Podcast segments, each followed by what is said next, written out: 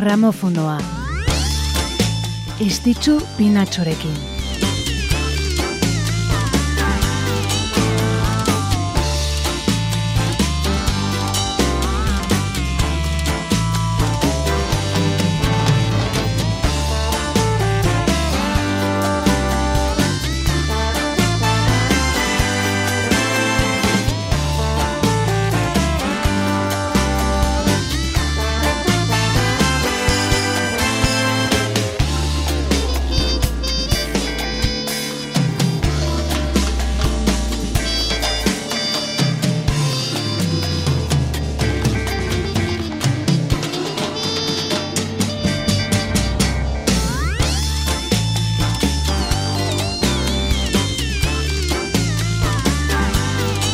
Arratxaldeon naiz irratian gaude, Arratxaldeon eta ongi etorri gramofonora. Larun bat Arratxaldetako musika saiora. Aste honek utzitako gertakari garrantzitsuenak errepasatzeko eta bide batez, kantu ederrak aditzeko aukera ematen digun tarte honetara.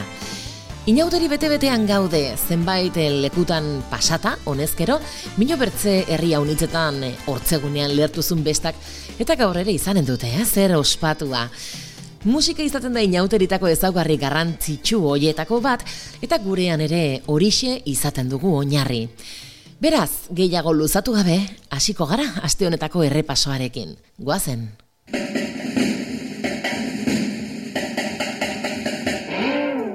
Crazy man, crazy. Crazy man, crazy. Crazy man,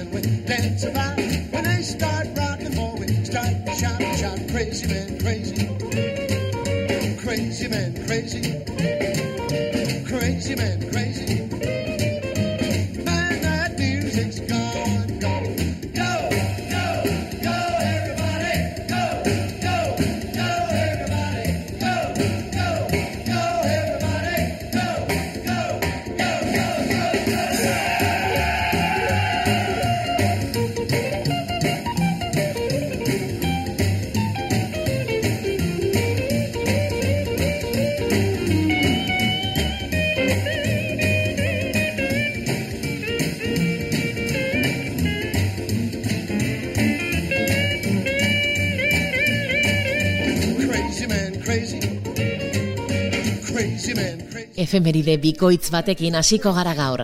Eta horretarako mila bederatzerun da berrogeita amazazpira joanen gara. Otsailaren bortzean Bill Hallik estatu batuetatik Londresera bidaiatu zuelako Britania handian barrena eman entzun bira bat edo bira zelata. Kontua da, Heathrowko aireportuan bortz mila zale, edo bortz mila fan zitula esperoan, eta sekulakoa sortu zelaan. Piskanaka piskanaka rock rolla mundu osora edatzen hasia zen eta ingalaterran berexiki, ba, izugarrizko estanda sorrara zizun. Bill Halliren Crazy Man Crazy aditzen ari gara gertakari historiko hau gogoratzeko eta bidena bar baita ere mila bederatzeren da larogeita bateko otxailaren bederatzean bihotzekoak jota hiltzelako. Berrogeita amabortzurte zitun. Berrogeita marreko amarkadan rollaren aintzindaria izan zen Bill Haley and His Comets taldeko liderrak.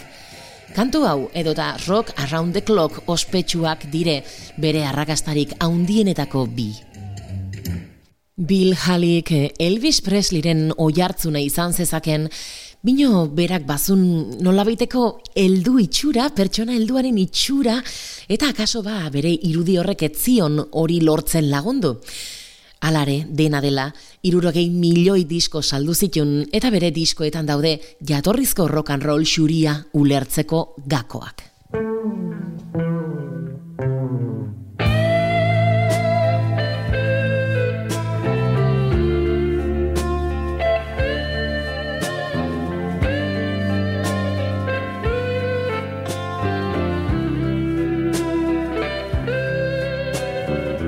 Efemeride bikoitz horrekin ireki dugu gaurko gramofonoa, eta doinu eder honekin, orain dela amair urte galdutako gitariole zoragarri bat gogoratuko dugu.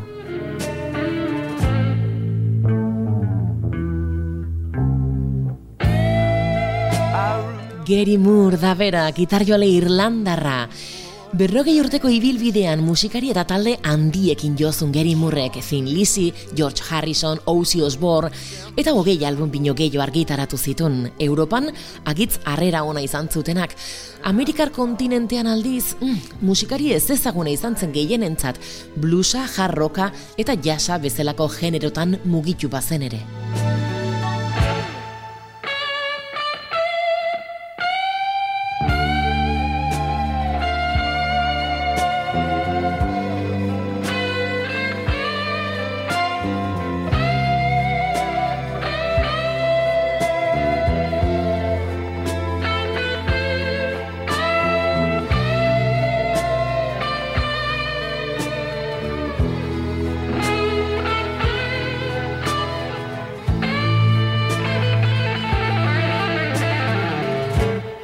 Looking back at the photographs,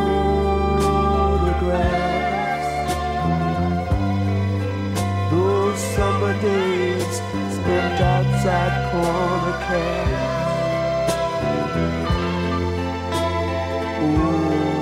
I could write you paragraphs about my old.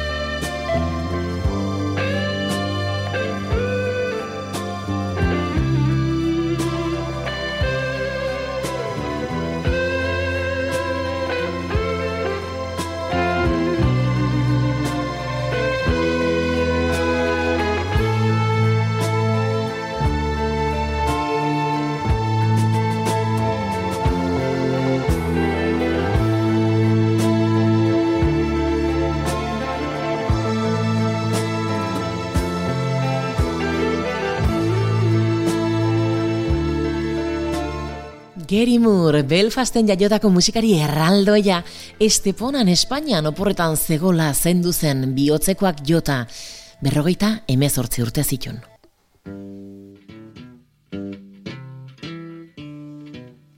Eta ere serki kutsua dun ondorengo kantu zoragarri hau, otxailaren seian gogoratu genun ikono hoietako bat omentzeko.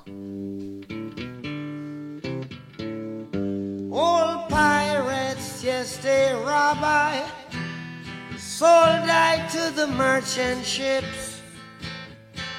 Minutes after they took I from the bottomless pit, but my hand was made strong by the hand of the Almighty. We forward in this generation triumphantly. Won't you help to sing these songs of freedom? Cause all I ever have, redemption songs, redemption songs.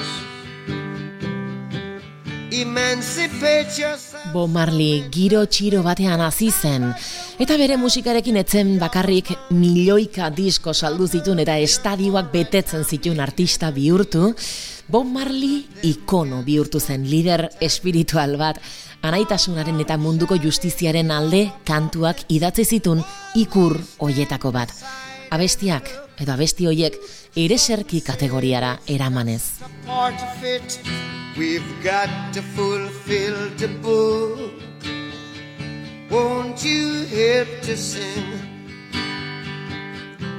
These songs of freedom? Cause all I ever have, redemption songs, redemption songs. Redemption songs.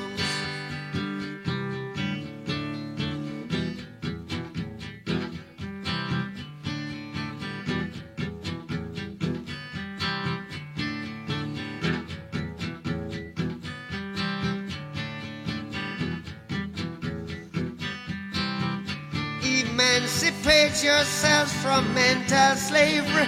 None but ourselves can free our mind. Oh, have no fear for atomic energy. Cause none of them can stop at the time. How long shall they kill our prophets while we stand aside and look?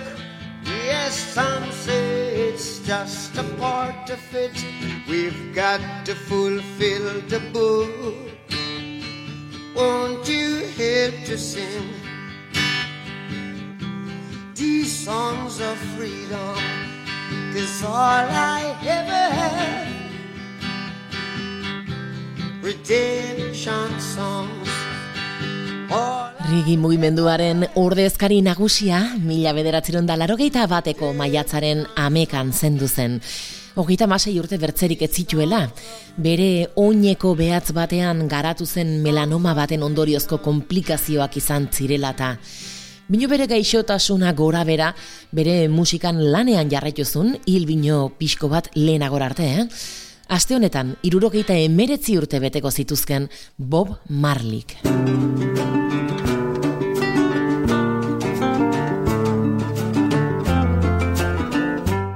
Kalibre handiko bertze kantu batekin jarraituko dugu, mila bederatziron da irurogeita beretziko otxailaren sortzian, Blind Faith super taldea sortu zera ospatzeko. Come down off your throne and leave your body alone.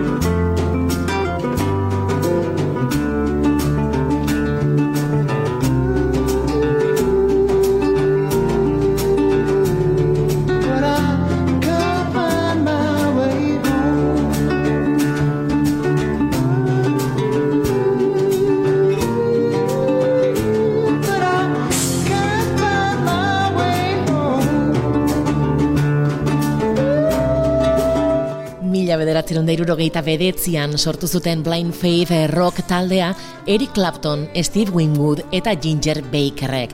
Eta urte bereko maiatzan Rick Gregg elkartu zitzaien.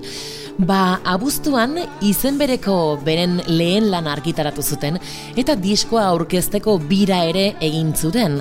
Bino tamalez, bandaren inguruan sortu ziren espektatiba altuegiek, presio mediatikoak eta hoiek kudeatzeko zailtasunek Blind Faitheko kideak banantzea ekarrizun eta bakoitzak bere bidearekin segitzea, Blind Faith betirako deseginez. Bertze kantu eder batekin jarraituko dugu Atzo urteak bete zituen konposatzaile zoragarri hau zoriontzeko.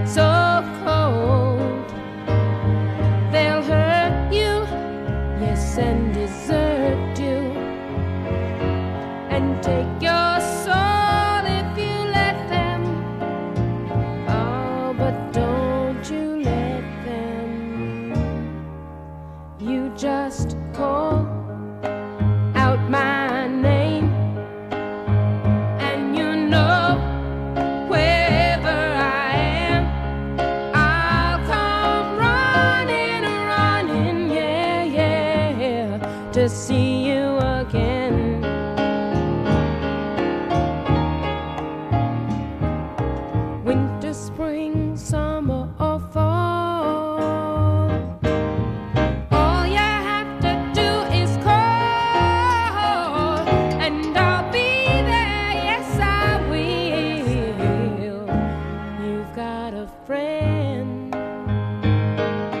irurogeiko hamarkadan Gerry Goffinekin batera beranduago bere senarra bihurtuko zenarekin hasi zen abestia komposatzen Carol King.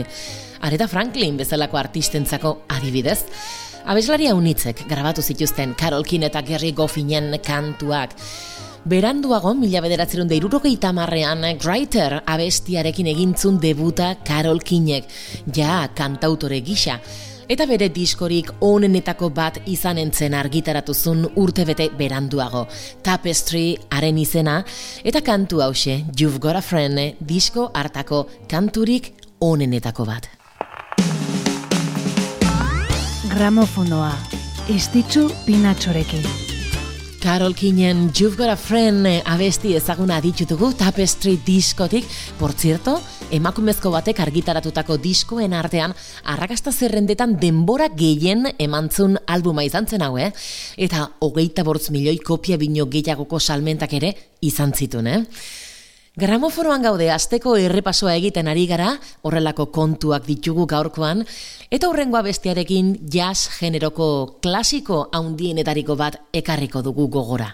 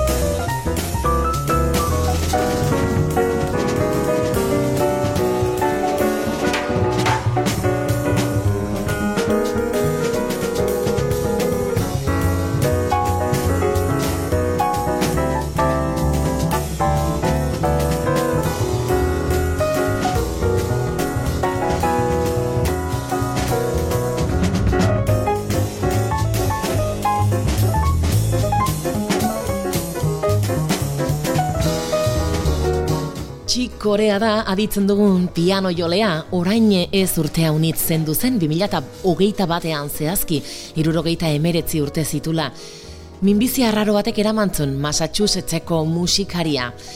Irurogeiko amarkadan hasi zen Stan Getz eta Herbie Mann bezalako musikariekin, amarkadaren amaieran Miles Davisekin edo Miles Davisen bandarekin bat egintzun, eta gurrengo amarkadan txikoreak bere bakarkako ibilbide arrakastatxua garatuzun jasaren kondaira haundienetako bat bihurtuz. Atzo, bete ziren, hiru urte txikorea zendu zela. Strumming my pain with his fingers, singing my life with his words, killing me softly with his song, killing me softly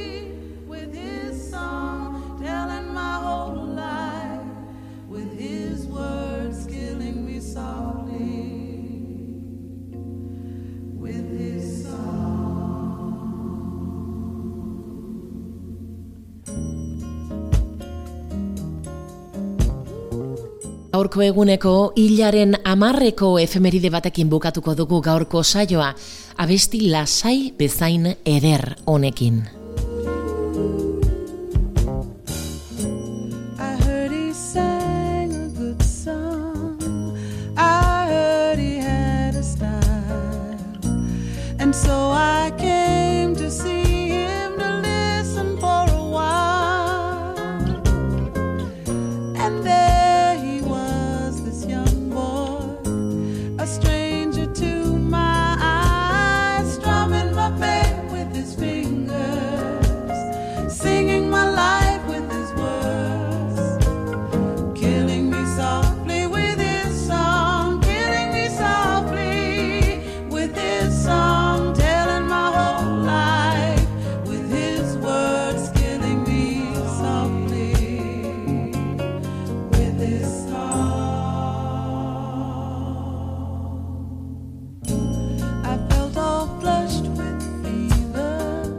Gaur bezalako egun batez jaio zen Roberta Flack, mila bederatzireun da hogeita emeretzian.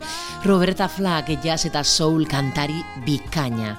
Larogeita bortzurte bete ditu gaur, eta hori ospatuz, eta gaurko gramofonoa borobiltzeko aukeratu dugu Killing Me Softly with His Song abestia. Roberta Flacken arrakastarik haundiena. Bere musikak daukan goxotasun eta dotorezia horren adibide bikaina den kantu ederrau. Gaurko zemen utziko dugu, inauteri ederrak pasaditzazuela gozatu, disfrutatu, eguraldia sobera aldeko ezpadugu ere. Urrengo astean ez da gramofonorik izanen, beraz, bi aste barru elkartuko gara berriro ere, bino zindagizuet, bertze abesti sorta bikain batekin eginen dugula hori, eh? Bitartean, erran bezala, gozatu, txintxe ibili, eta zoriontsu izan. Aio, aio.